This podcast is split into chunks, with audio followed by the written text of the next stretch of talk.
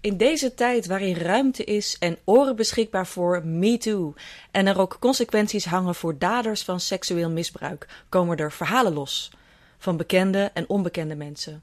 Waar gebeurde ervaringen van slachtoffers of overlevers, wat misschien wel een beter woord is. Hierover spreek ik met Sarah Balvoort, een jonge Rotterdamse en slimme meid met het hart op de juiste plaats. Ook zij heeft helaas ervaring met seksueel misbruik. Hoe is zij hiermee omgegaan? Hoe is ze eruit gekomen? En wat moeten omstanders weten over dit prangende onderwerp? Hi, welkom bij de Noorderlicht Rotterdam podcast. Een serie gesprekken met mensen van Noorderlicht over wat het geloof voor hen in het dagelijks leven betekent. Hier is je host Jojanneke. Sarah, welkom. Fijn dat je er bent. Dankjewel. Ja. Wat is er precies gebeurd? Ja, dat is een, uh, een moeilijke, confronterende vraag.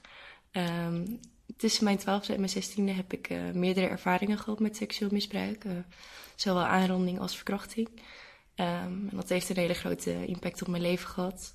Jarenlang mee geworsteld en uiteindelijk gediagnosticeerd met posttraumatische stressstoornis en een paniekstoornis. daar heb ik jarenlang therapie voor gehad, zware traumatherapie. En uiteindelijk ben ik een paar maanden geleden genezen verklaard voor zover dat mogelijk is vertelde je even krokant in een, uh, in een minuutje. Wat een impact van jaren is natuurlijk. Ja. Ja, ik kan me voorstellen. En ook de vraag, wat is er precies gebeurd? Ja, die wordt misschien wel heel makkelijk gesteld door mensen. Maar is dat eigenlijk wel zo gemakkelijk voor jou? Uh, nee, want het is eigenlijk iets wat je altijd een beetje wegduwt. Uh, je weet dat het gebeurd is, maar het liefst doe je dat op slot in een kastje en gooi je de sleutel weg. Dus elke keer als iemand er naar vraagt, dan is dat toch weer even, komt wel even binnen. Dan rukken ze de deur open. Ja, ja. Ja, dat, dat, dat moet toch uh, inderdaad heel ongemakkelijk zijn. Maar uh, aan de ene kant kun je je voorstellen dat mensen belangstellend zijn over naar je ervaringen en uh, van, ja, daarin met je willen verbinden. Maar het kan ook veel pijnlijker zijn dan dat de vraagsteller zich realiseert. Ja, het is echt ja. de manier waarop de vraag gesteld wordt, inderdaad. Ja, dus dat is ook een hele belangrijke.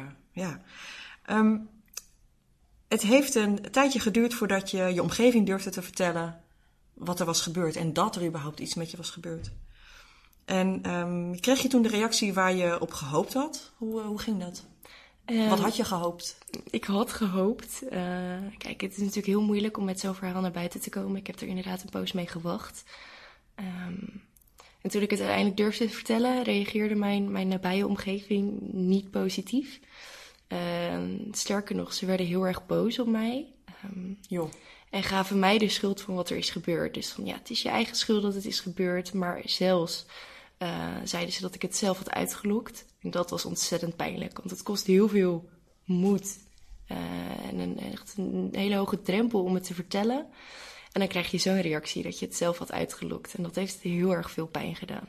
Ja, dat kan ik me voorstellen. Je hebt eindelijk de moed bij, bij elkaar geraapt om ja, je omgeving gewoon deelgenoot te maken van wat er in je leven gebeurt. En, uh, en dan gebeurt er dat. Ja. En sterker nog, dan ben je geen slachtoffer, maar eigenlijk een soort van dader. Ja. Dan word je in een hele rare rol geduwd. Ja, en dan ga je ook heel erg twijfelen aan jezelf. Dus dan had ik wel van, had ik er dan wat aan kunnen doen? Was, Was het dan mijn schuld? schuld? Ja. ja. Ja, ja victim blaming wordt dat ook wel genoemd Precies. met een uh, sexy uh, benaming. No pun intended. Um, ja, en waar uh, iemand beschuldigd wordt van, van iets wat ook heel dichtbij zichzelf staat en waar ook een beetje een taboe op heerst, daar hoort ook um, schaamte bij. En je hoort vaak dat slachtoffers van geweld en dus ook seksueel geweld met een flinke hap schaamte te maken krijgen. Heb jij dat ook ervaren of is dat anders voor jou? Nee, zeker. Ja, het is um, met seksueel misbruik wordt eigenlijk het allerintiemste wat je hebt, wordt voor je afgepakt en wordt kapot gemaakt. En uh, dat is ontzettend moeilijk en daar komt heel veel schaamte bij kijken. Ik was natuurlijk ook heel jong mm-hmm. en ik wist ook eigenlijk niet dat er zulke dingen gebeurden. Ik had geen idee wat me overkwam, dus ik schaamde me er heel erg voor. Ik heb natuurlijk niet voor niks zo lang gewacht met het vertellen. Um, maar wat ik wel gaandeweg heb geleerd, kijk, je schaamt je voor iets uh, wat je verkeerd hebt gedaan. Als je iets verkeerd hebt gedaan en je weet dat je bent je daarvan bewust, dan schaam je je. Maar ik heb nu geleerd dat het niet mijn eigen schuld was. En daardoor is een heel groot gedeelte van die schaamte ook gewoon weg. Ja, ja dat, dat um, horen van mensen om je heen dat je dus iets hebt om voor te schamen, maar tegelijkertijd ook ontdekt dat het helemaal niet iets is om voor je te schamen. Ehm, ja, dat, dat lijkt mij uh, best een, een, pittige tegenstelling. Het is een uh, beetje een soort van spanningsveld waar je je eigen weg in moet vinden. Ja, precies. Want misschien weet jij nu wel van, ik heb niets om me voor te schamen, want ik heb dit doorstaan en ik ben eruit gekomen. Uh, dat andere mensen dan denken: Oh ja, sorry, ik, ik, ik, ik, ik vraag of vertel er maar niks over, want je zal je wel schamen. Mm -hmm. dus er is ook een beetje projectie in van de buitenwereld. Ja, zeker. Ja, en ook door dat stukje victim blaming natuurlijk, waar de schuld toch weer bij, bij het slachtoffer wordt gelegd. Um, blijft het eigenlijk duwen en trekken met je schaamtegevoel. Want aan de ene kant weet je het wel, mm maar omdat die invloeden van buiten, zoals je ook zegt, en die projectie, uh, dat maakt het heel lastig om het uh, uh, in gedachten te blijven houden. En ik moet er ook nog elke keer aan herinnerd worden, want anders ga ik gewoon weer twijfelen aan mezelf. Ja, dat, dat die, ja, kun je nagaan. Die impact van die vertwijfeling, hè, dus ja. die, uh, met een chic woord noemen ze dat ook wel eens cognitieve dissonantie. Dat zijn twee verschillende dingen denken op hetzelfde moment. Mm -hmm. Twee dingen die totaal tegenovergesteld zijn. Ja, um, ja dat, dat, dat duurt een tijdje voordat je daar weer uitkomt. Ja, ja je zou het kunnen zien als het uh, duiveltje en het engeltje op je schouder, zeg ja. maar. Ja, ze fluisteren je twee verschillende dingen in. En naar waar luister je naar? Ja. ja. Zijn er nog wel eens momenten dat je, dat je jezelf betrapt op gedachten van... Uh, ja, misschien, misschien had ik het toch wel anders moeten doen? Ja, zeker. En, op wat voor uh, momenten ervaar je dat?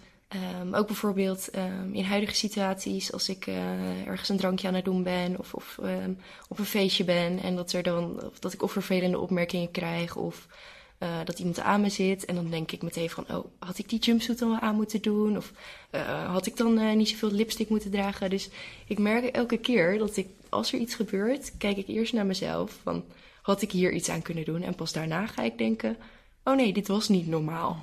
En dit kan helemaal niet, ongeacht hoe ik eruit zie of wat ik heb gezegd. Of... Want het gaat sowieso niet om de buitenkant. Maar ja, de, de, de, luisteraar van de podcast weet niet dat ik tegenover een heel stijlvol, net meisje zit. Die heel, heel vriendelijk en, en hoffelijk en uh, classy uitdrukt. Uh, dus ja, uh, en al zou dat niet het geval zijn, hè, dan nog. Dan nog. Dan nog is het nooit je schuld. Ja. Het is nooit jouw schuld. Inderdaad. Ja, ik kan me voorstellen dat niet alleen schaamte een deel is van, het hele, van de hele achtbaan aan emoties die je na misbruik uh, hebt. Kun je hier iets over vertellen? Ja, wat ik net ook al zei, uh, schaamte hangt ook echt samen met je schuldgevoel. Um, en dat is echt killing, als je jezelf de schuld gaat geven van wat er is gebeurd. Um, en daardoor raakte ik echt helemaal in de knoop met mijzelf. Ik kwam daar met mezelf niet uit. Um, juist ook omdat mijn omgeving mij vertelde dat het mijn eigen schuld was. Ik ging twijfelen aan mezelf. En, um, het zijn misschien ook mensen die, waar, waar, die jij normaal vertrouwt op ja, hun oordeel. Ja, precies. Mensen ja. die er voor jou zouden moeten zijn. En dat maakt het juist zo lastig. Dus ik liep compleet vast met mezelf, juist door dat schuldgevoel. Um, dus je liep vast? Ja, ja. ja, ja je eigen emoties? Ja, ja, ik had ontzettend veel last van ja, alle, alle symptomen van een posttraumatische stressstoornis. Dus nachtmerries, herbelevingen, paniekaanvallen, um, uh, constante staat van alertheid eigenlijk. Maar aan de andere kant ook juist weer niet uh, situaties kunnen inschatten. Dus niet kunnen inschatten wanneer iets een gevaarlijke situatie is of niet. Waardoor je dus ook weer vatbaarder bent uh, dat het nog een keer Voor gebeurt. Voor dat soort mafkezen. Ja, ja, precies. Dus dat maakt het heel erg lastig. En ik merkte ook wel dat um, het had zo'n grote impact dat het mijn, mijn identiteit eigenlijk veranderde. Mm -hmm. Alles in mijn leven draaide om mijn trauma. Mm -hmm. En nu pas, nu ik het stukje bij beetje wat meer los kan laten, um, nu heeft het niet meer die rol in mijn leven. En in het begin, toen ik net was genezen van mijn uh, PTSS. Tussen aanhalingstekens. Genezen tussen aanhalingstekens. Ja, ja. Toen was het echt een zoektocht. Want eerst wie ben ik nou eigenlijk? Wie ben ik nou eigenlijk? En, en wat doe ik nou eigenlijk met mijn leven? Want ik kon niet vooruit. Ik zat vast in mijn trauma. En pas nu kan ik verder gaan kijken en kan ik weer vooruit en ontwikkelen en groeien. Mm. En nu weet ik dus dat ik uh, niet de persoon ben met een trauma, maar ik ben allereerst, uh, ik ben een dochter van God, ik ben uh, een, een, zus, ik ben een vriendin, ik ben een student, een huisgenoot. en pas daarna een persoon met een trauma. Dus het beheerst niet meer mijn identiteit. En ja, daar ben ik ontzettend blij en dankbaar om. Ja, uh, je vertelde net um, dat, dat je op een gegeven moment ook niet zo goed meer wist wie je was. Hè? Omdat de trauma zo'n hoofdrol in je leven speelde. Toen je dat realiseerde en je op een gegeven moment toch weer voelde van nou, ik, ik, ben, een, ik ben een mens en ik mag nu, vanaf nu, vanaf vandaag, want ik ben genezen, uh, bedenken wie ik ben en gaan ontdekken. wat ik kan en hoe ik het wil gaan hebben in de toekomst. Hoe, hoe was het voor jou om in die tussenperiode in een soort van land van niets te zijn? Wanneer het nog niet is bepaald wie je bent. En wat je... Dat is ontzettend onzeker. Ik vond het zo moeilijk. Ehm, eh, omdat je eigenlijk nooit de kans hebt gehad om erover na te denken. Uh, en aan de ene kant had ik het gevoel, ja, de wereld ligt voor me open. Ik kan weer vooruit. Ik kan uh, super mooie dingen um, gaan doen. Ik kan groeien. en aan de andere kant vond ik het ontzettend eng, want ik wist niet hoe het moest. Omdat ik altijd zo heb vastgezeten. Dus dat was een hele erge zoektocht. En mm-hmm. elke dag weer opnieuw van, ja, waar wil ik naartoe en, en, en hoe dan? Um, dus dat was ook heel erg vermoeiend. Maar langzaam maar zeker, stapje bij stapje, gewoon stappen gaan zetten. Uh, ergens anders gaan werken of, of een andere hobby opgepakt. Wat ben je gaan doen? Wat is je hobby? nou, mijn hobby, en dat is ook wel een beetje trauma gerela uh, gerelateerd. Ik doe een vechtsport, Krav Maga. Ja? Is eigenlijk een zelfverdedigingssport, een hele realistische zelfverdedigingssport. Uh, en dat heeft me heel erg geholpen, helpt me ook nog steeds in de verwerking van mijn trauma. Uh, want op Krav Maga leren we hele realistische uh, dingen. Dus bijvoorbeeld, wat moet je doen als je beroofd wordt op straat, als iemand je aanvalt met een mes, als je aangerand wordt. Dus dat soort praktische zaken. En daar leer je dan mm. tegen verdedigen. En dat is zo ontzettend goed. Plus ik kan daar ook nog een stukje agressie in kwijt. Dat is voor mij echt heel erg belangrijk. Um, en ik word er gewoon heel erg enthousiast van. Ik vind het zo leuk. Het zet je ook in je kracht. Denk het zet me in mijn kracht. Ja. Echt, um, ik voel me niet meer weerloos. Ik mm -hmm. heb mhm. meer zelfvertrouwen. Um, en ik vind het zo leuk dat ik nu ook kinderen les geef in Krav Maga ook gewoon dat ik juist die kinderen uh, in hun kracht wil zetten. Mm -hmm. En uh, ik wil voor zover het in mijn macht ligt proberen uh, om die kinderen te helpen dat het hun nooit overkomt wat mij is overkomen op die leeftijd. Je gunt het niemand, hè? Je gunt nee. het niemand, nee. nee. Ik kan me voorstellen. Het is nu een tijdje geleden dat het is gebeurd en ook dat je tussen aanhalingstekens genezen bent verklaard. En je hebt de moedige stap genomen om ermee naar buiten te gaan. Is dit voor jou nog steeds een stukje van het helingsproces? Ja, zeker. Het is eigenlijk de laatste stap uh, uh, van het helingsproces. Dat je alle negatieve dingen omzet in iets moois en in iets krachtigs. Um, en dat je er juist je energie uithaalt in plaats van dat het uh, je sloopt. Mm. Dus dat is voor mij heel belangrijk. En, en um, natuurlijk kost het nog heel veel energie. En elke keer dat ik erover praat, komen er ook weer dingen terug bij mezelf. En is niet makkelijk. Maar uh, ik merk ook dat het elke keer makkelijker gaat. En dat het, uh, uh, Heb je nog wel eens triggers? Dat je weer even in die situatie voelt? Of, zeker, ja. Hoe zeker. ga je daar nu mee om? Um, eigenlijk een soort realiteitscheck. Ik weet nu waar ik nu sta. En ik weet dat ik nu veilig ben.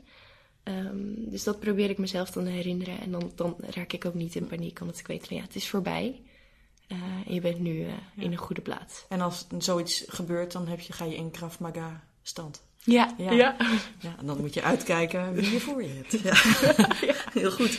Um, welke rol heeft het geloof in je leven en heeft dit een rol gespeeld in hoe je hiermee bent omgegaan met deze ervaringen? Ja, het is echt een enorme worsteling geweest. Uh, want juist op het moment dat ik God echt nodig had, toen het echt heel slecht ging, heb ik echt om hulp geroepen en gesmeekt, gebeden. En voor mijn gevoel antwoordde God niet. En dat vond ik heel erg moeilijk. En toen ging ik ook heel erg twijfelen aan het bestaan van God.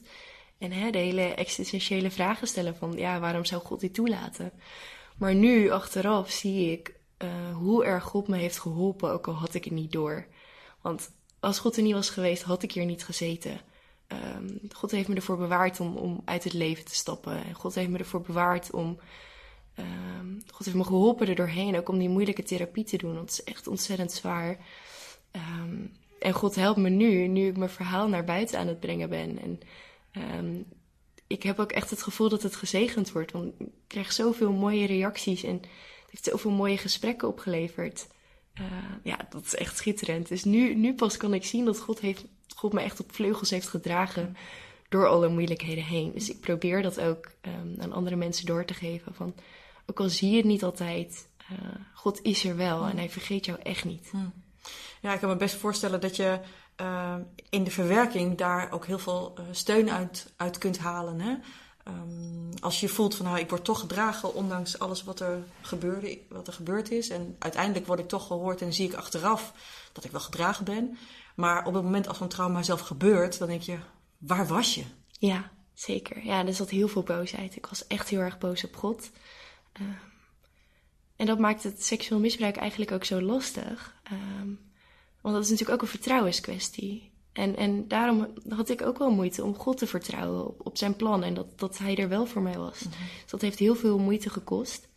Uh, en inderdaad, het is heel makkelijk zeggen van achteraf zie je het wel, maar in mijn geval uh, is dat ook echt zo. Ja. Uh, en inderdaad, nu krijg ik er heel veel kracht uit, want ik weet ook wat er ook nog gebeurt. God is erbij en dat weet ik zeker. En, en dan komt het goed, daar, daar vertrouw ik op. Heel mooi dat je daar ook echt je kracht uit, uithaalt. Naast de Krav ja. Is de dader ooit gepakt? Ik weet het niet. Um, uh, ik weet dat de dader in het buitenland zit. Um, maar ik heb hem, en ik weet dat hij daar werd vervolgd. Maar ik heb hem nooit durven googlen. Ik heb dat één keer gedaan en toen zag ik een foto en dat was geen succes. Dat was helemaal mis. Ja, ja. dus um, ik weet het niet. En dat is voor mij ook wel goed zo. Daar kun je ook vrede mee hebben, ja. om het niet te weten. Ja. Dat is ook een deel van het loslaten, denk ja. ik. Ja. Ja, ja ik, ik, kan me... Ja, er zijn ook heel veel mensen die schieten in een soort van wraakmodus. Van, uh, ik hoop dat karma hem pakt, maar uh, iets nog ergers zou nog leuker zijn. Weet je wel? als, als, als iemand je zo uh, pijn doet en uh, beschadigt, dan ja, dan is, het, dan is het heel lastig om niet in die, uh, in die modus uh, uh, te schieten. Dus bewondering daarvoor. Klopt. Ja, ja en nog een stapje verder. aan slachtoffers van geweld wordt vaak gezegd van je kan pas helen en je bent pas vrij wanneer je de dader kunt vergeven. Het is een groot woord, vergeving. Vooral voor misdaden die eigenlijk best lastig als, um, ja, als, als vergeeflijk, hè, als te vergeven gezien kunnen worden. Hoe is dit voor jou? Ja, vergeven is inderdaad een hele lastige kwestie. Um, vooral omdat met vergeven, dat komt eigenlijk van twee kanten. Hè? De een um, betuigt spijt en dan kan je vergeven. En vaak bij, seksueel misbruik, in ieder geval in mijn geval, heb ik nooit excuses gehad. Dus dan is het heel lastig om eenzijdig te vergeven. Um, dus wat dan heel belangrijk is, is, is het loslaten. Dus zeggen van wat jij hebt gedaan is verkeerd, maar ik reken het je niet meer toe. Dus dat je dat stukje loslaat. Van jouw kant in ieder geval. Um, en ik weet niet of ik zover ben. Soms denk ik van wel. Ja. Maar er zit ook nog zoveel boosheid. Ja. Uh, dus het blijft elke Zou dag gek zijn als dat niet zo zijn, denk ik. Nee, ik denk daarom. Dat je een gezonde meid bent die dat uh, heel goed inschat. Nee, daarom. Ja. Maar daar, daar krijg ik ook wel kracht voor om het uh, toch weer los te laten. Ja, en waar, waar, waar krijg jij dan die kracht uit om dat los te laten? Van God ik bid daar ook echt heel vaak om. Want uh, anders blijf je inderdaad, wat je net ook zei, uh, zit je vast in je, in je wrok, in je haat. Uh, ja, ja dan loop je ook van leeg, hè? Ja, je energie loopt dan. en dat helpt je eigen genezing ook niet. Nee, en je hebt ook gewoon je energie nodig om de boel weer op te bouwen. Zeker, en, zeker. ja, snap ik. Ja, um, er zijn ook um, slachtoffers of survivors, zou je ook kunnen zeggen. Dat is misschien iets wat meer in de kracht. Van um, mishandelingen, ook anders dan seksueel overigens. Die uh, eigenlijk ook vaak zeggen, ja, je krijgt helemaal geen closure. Hè? Dus zeg maar niet, je, je kan de boel niet zomaar afronden omdat de ander geen sorry zegt. Omdat de ander geen berouw toont. Uh, en eigenlijk gewoon hetzelfde doet bij een ander. Hè? Um, en soms kan het dan helpen om die kracht die, te vinden. In jouw geval ook in God. En daarnaast ook in jezelf. Van je geeft je eigen, um, je eigen verhaal, je eigen closure. Ja. Je, je, geeft het zelf je closure, waardoor de ruimte ontstaat om uh, het meer los te laten. Precies. Van, ik, ik draai er een eind aan, al doet de ander er niks mee. Voor mij uh, stop, stop die ellende hier. Ja, en dat maakt het juist ook alweer heel powerful. Ja. Ja, dus je wordt gedragen door God en je hebt je eigen bron van kracht daarin. Ja, dat is een mooie ja, combinatie. Mede ook door, uh, door wat ik nu doe, door ermee naar buiten te komen. Uh, dat is ook mijn manier van, van afsluiten, inderdaad. Ja, duisternis dat is weg als je er een lamp op schijnt. Ja. En dat is precies. precies. Oh, dan moet ik denken aan die mooie quote van uh, Leonard Cohen. Dus die heeft een lead anthem, heet het. There's a crack in everything. That, that's how the light gets in. Ja, dat prachtig. Is prachtig, ja, want het is ook, het is ook een barst. Het is uh, niet, niet een smet, het is geen, uh, een, geen tekort in jou. Het is een barstje wat je is aangedaan, waardoor het licht naar binnen kan stralen. Ja. Waardoor ja. jij ook weer uh, de boel kan openen naar de buitenwereld. Prachtig.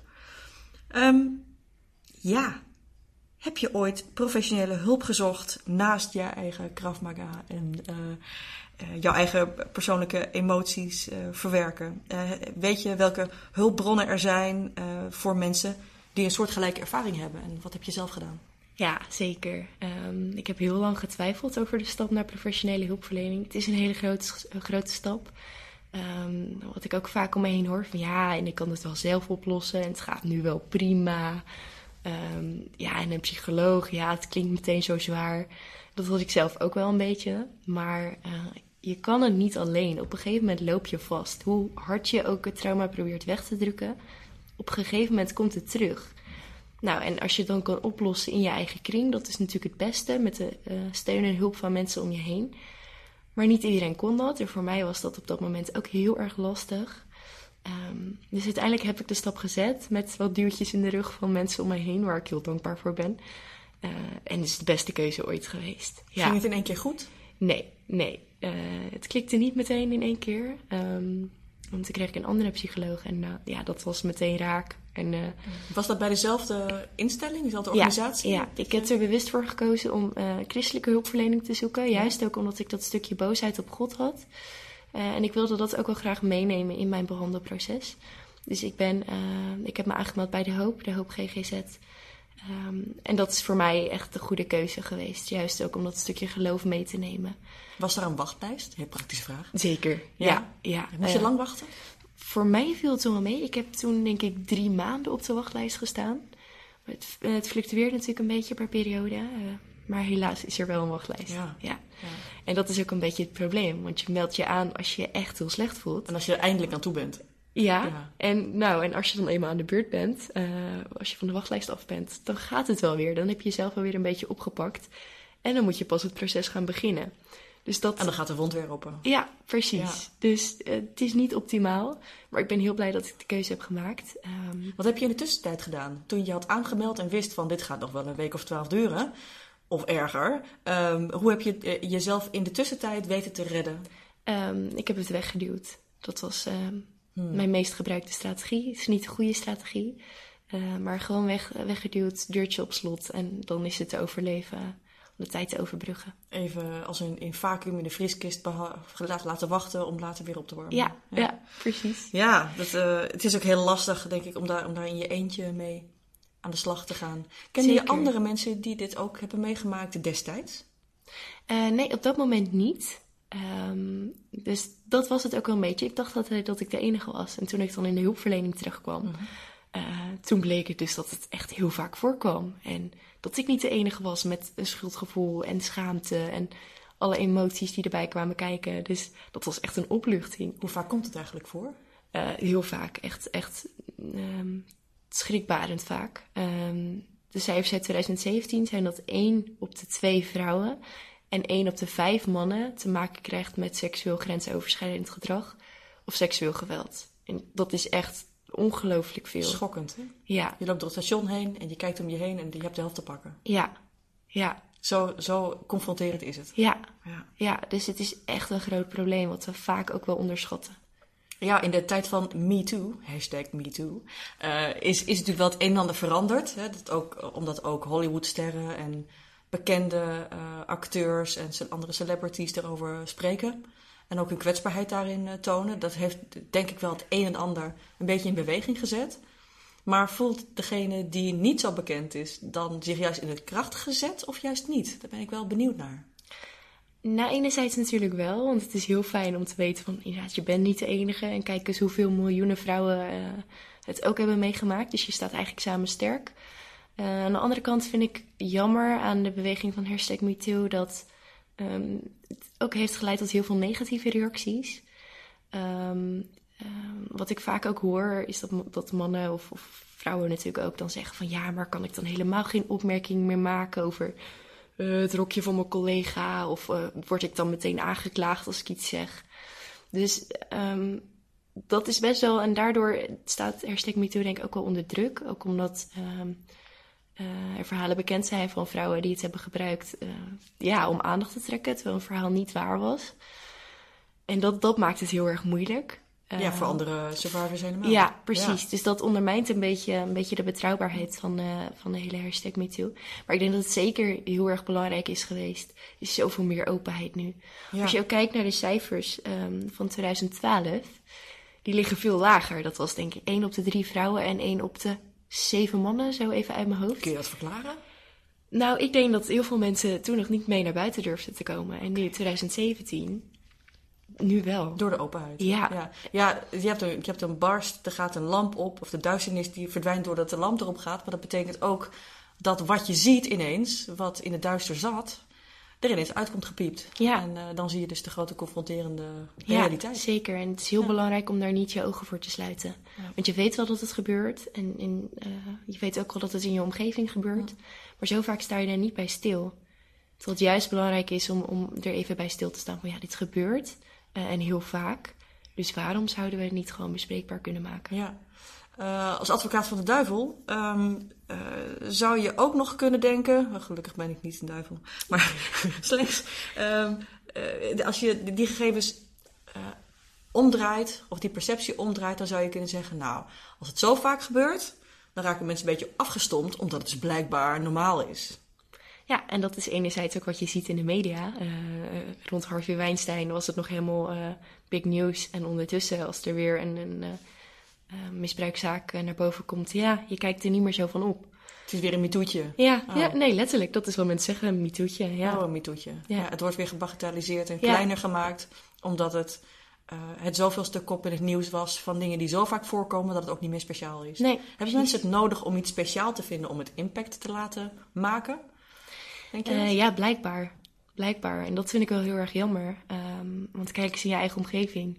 En, en, en eh, open je ogen voor wat voor schade het ja, aanricht. dat maakt mensen dus eigenlijk weer monddood. Ja, Omdat je niet moet klagen omdat de helft van de wereld het meemaakt. ja. nee, precies. Dus ja.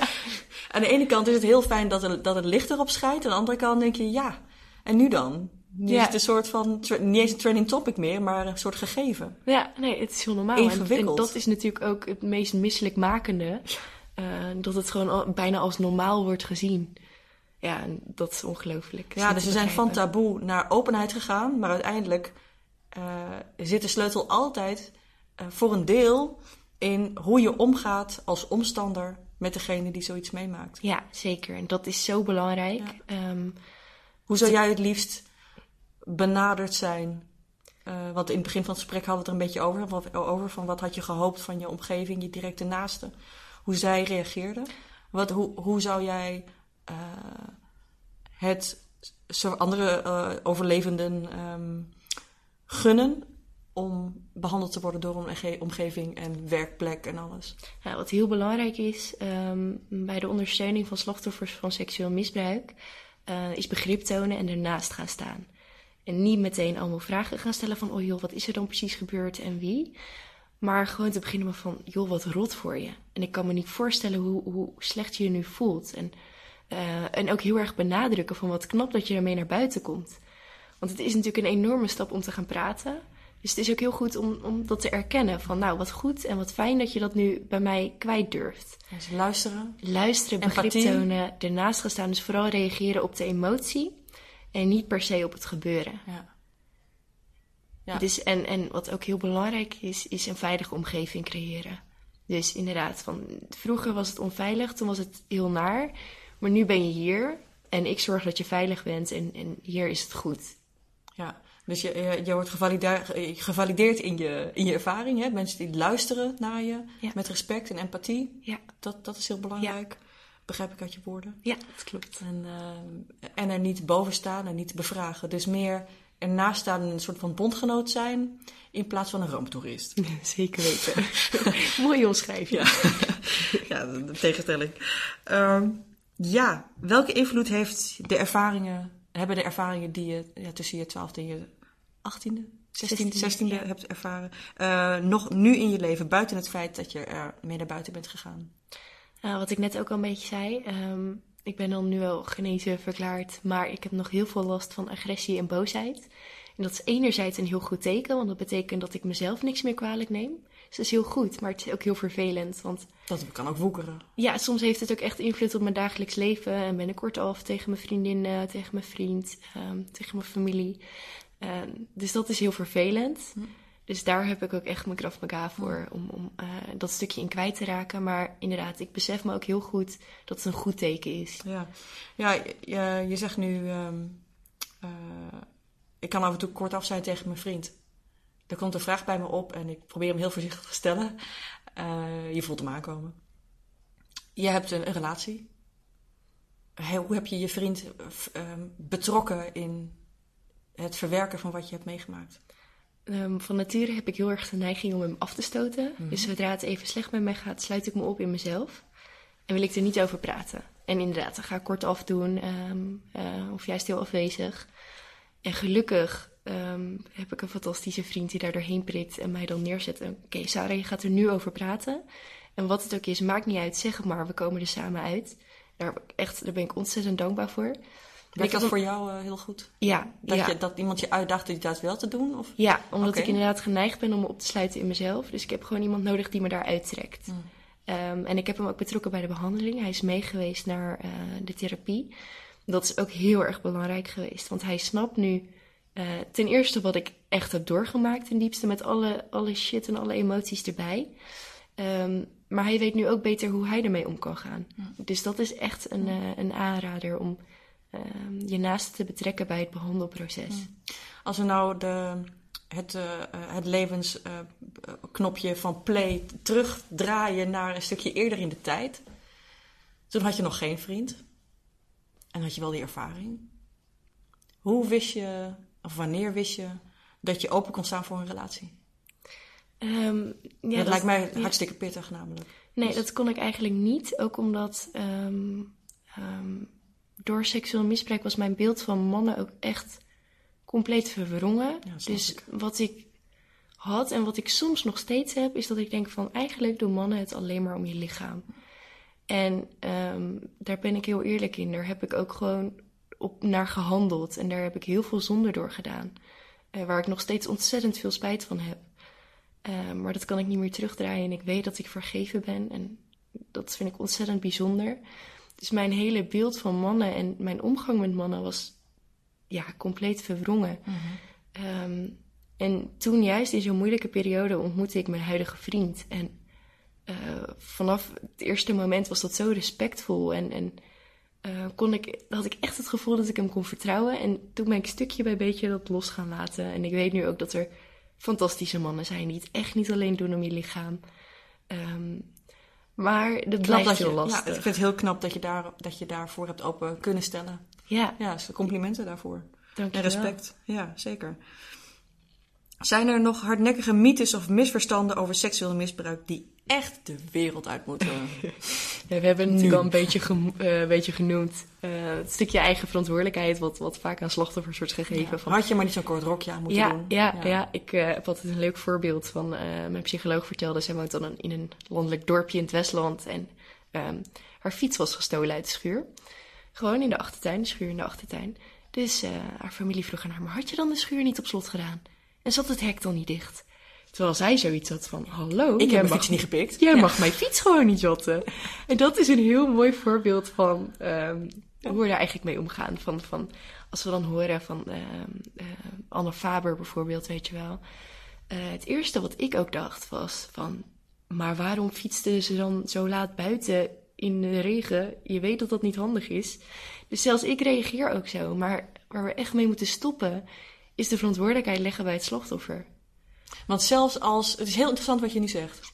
Want zelfs als survivor van, van precies datzelfde, behalve dan de uitkomst, godzijdank, ehm kijk je nog steeds als, als niet-survivor naar de situatie van een ander. Ja. Op dat moment. Dat is toch de, de eh in slecht Nederlands, de knee-jerk, zeg maar de, de, de directe reactie die je hebt, omdat die zeg maar misschien cultureel is ingestampt. Ja, moet je nagaan hoe hardnekkig dat is. Ja. En wat voor probleem dat is. En Dat is ik ben me eh, er dan nog van bewust. Dus ik weet dan dat het niet zo is. Ja, Maar dat is wel de reactie die je vaak ziet. heftig hè?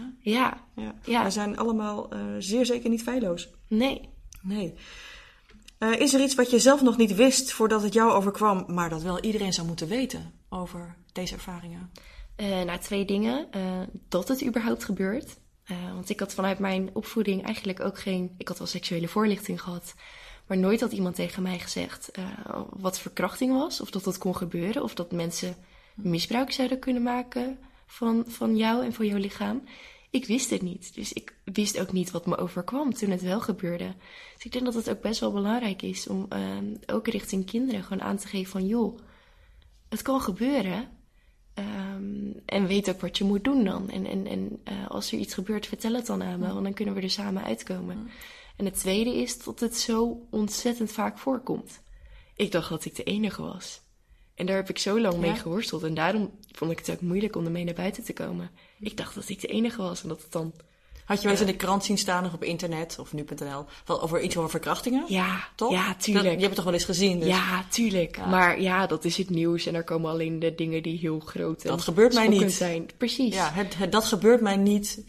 Uh, perspectief wat je kunt hebben. Aan de ene kant zou je kunnen zeggen dat is naïef, want iedereen weet dat het gebeurt. Maar toch, als zoiets gebeurt en je ervaart het zelf, dan denk je: ik had nooit gedacht dat het mij zou overkomen. En dan zijn ineens alle clichés waar. Ja, ja. Maar dan zit je er wel mooi mee. Ja, nou, niet zo mooi eigenlijk. Nee, nee precies. dan zit je er maar akelig mee. Ja. Um, is er verder nog iets wat je met ons zou willen delen? Um, nou, wat ik vooral jou aan wil raden als je um, worstelt met, met deze zaken voor jezelf of voor iemand in je omgeving. Um, maak het bespreekbaar, hoe moeilijk het ook is. Ik wil je echt aanmoedigen om erover in gesprek te gaan, want het werkt zo bevrijdend. En nou, ik geef nu regelmatig speeches over dit onderwerp. en daarna nou, ga ik soms ook in gesprek met, met vrouwen of mannen die iets dergelijks hebben meegemaakt. En vaak zijn dat mensen van, van, uh, die 40 jaar of ouder zijn. En die het dan nog nooit aan iemand hebben verteld. En dat vind ik zo ontzettend schokkend. Dat, dat je zo lang met zo'n geheim kan lopen. En, en wat voor impact dat dan ook heeft. Dus, de uh, eenzaamheid is dus enorm. De eenzaamheid is echt enorm. Ja. Dus daarom wil ik je aanmoedigen van, van praat erover. En, en zoek hulp. Zoek in eerste instantie hulp bij je, bij je familie, bij je naasten, als je daar terecht kunt. En zoek anders professionele hulp. Want het is zo fijn om iemand met je mee te laten denken uh, van buitenaf. En die je dan vertelt van, ja, maar dit is heel normaal. En dit is wetenschappelijk bewezen dat dit uh, een normale reactie is. En dat werkt zo bevrijdend en dat geeft zoveel rust voor jezelf ook. Um, dat, ik, dat kan ik iedereen aanraden. Wat voor mij ook wel heeft geholpen, uh, is boeken erover lezen. Uh, een boekentip die ik nog wil meegeven is uh, Verlamd van Angst van Agnes van Minne. Die legt heel duidelijk uit welke reacties er zijn na misbruik. Uh, en die legt ook uit wat er dan gebeurt in je hoofd. Dus echt psychologisch wetenschappelijk gezien legt ze uit wat er dan gebeurt. En dat werkte voor mij ook heel verhelderend. Dat ik dacht van, oh, dit herken ik en dat herken ik. Dat is een hele waardevolle leestip.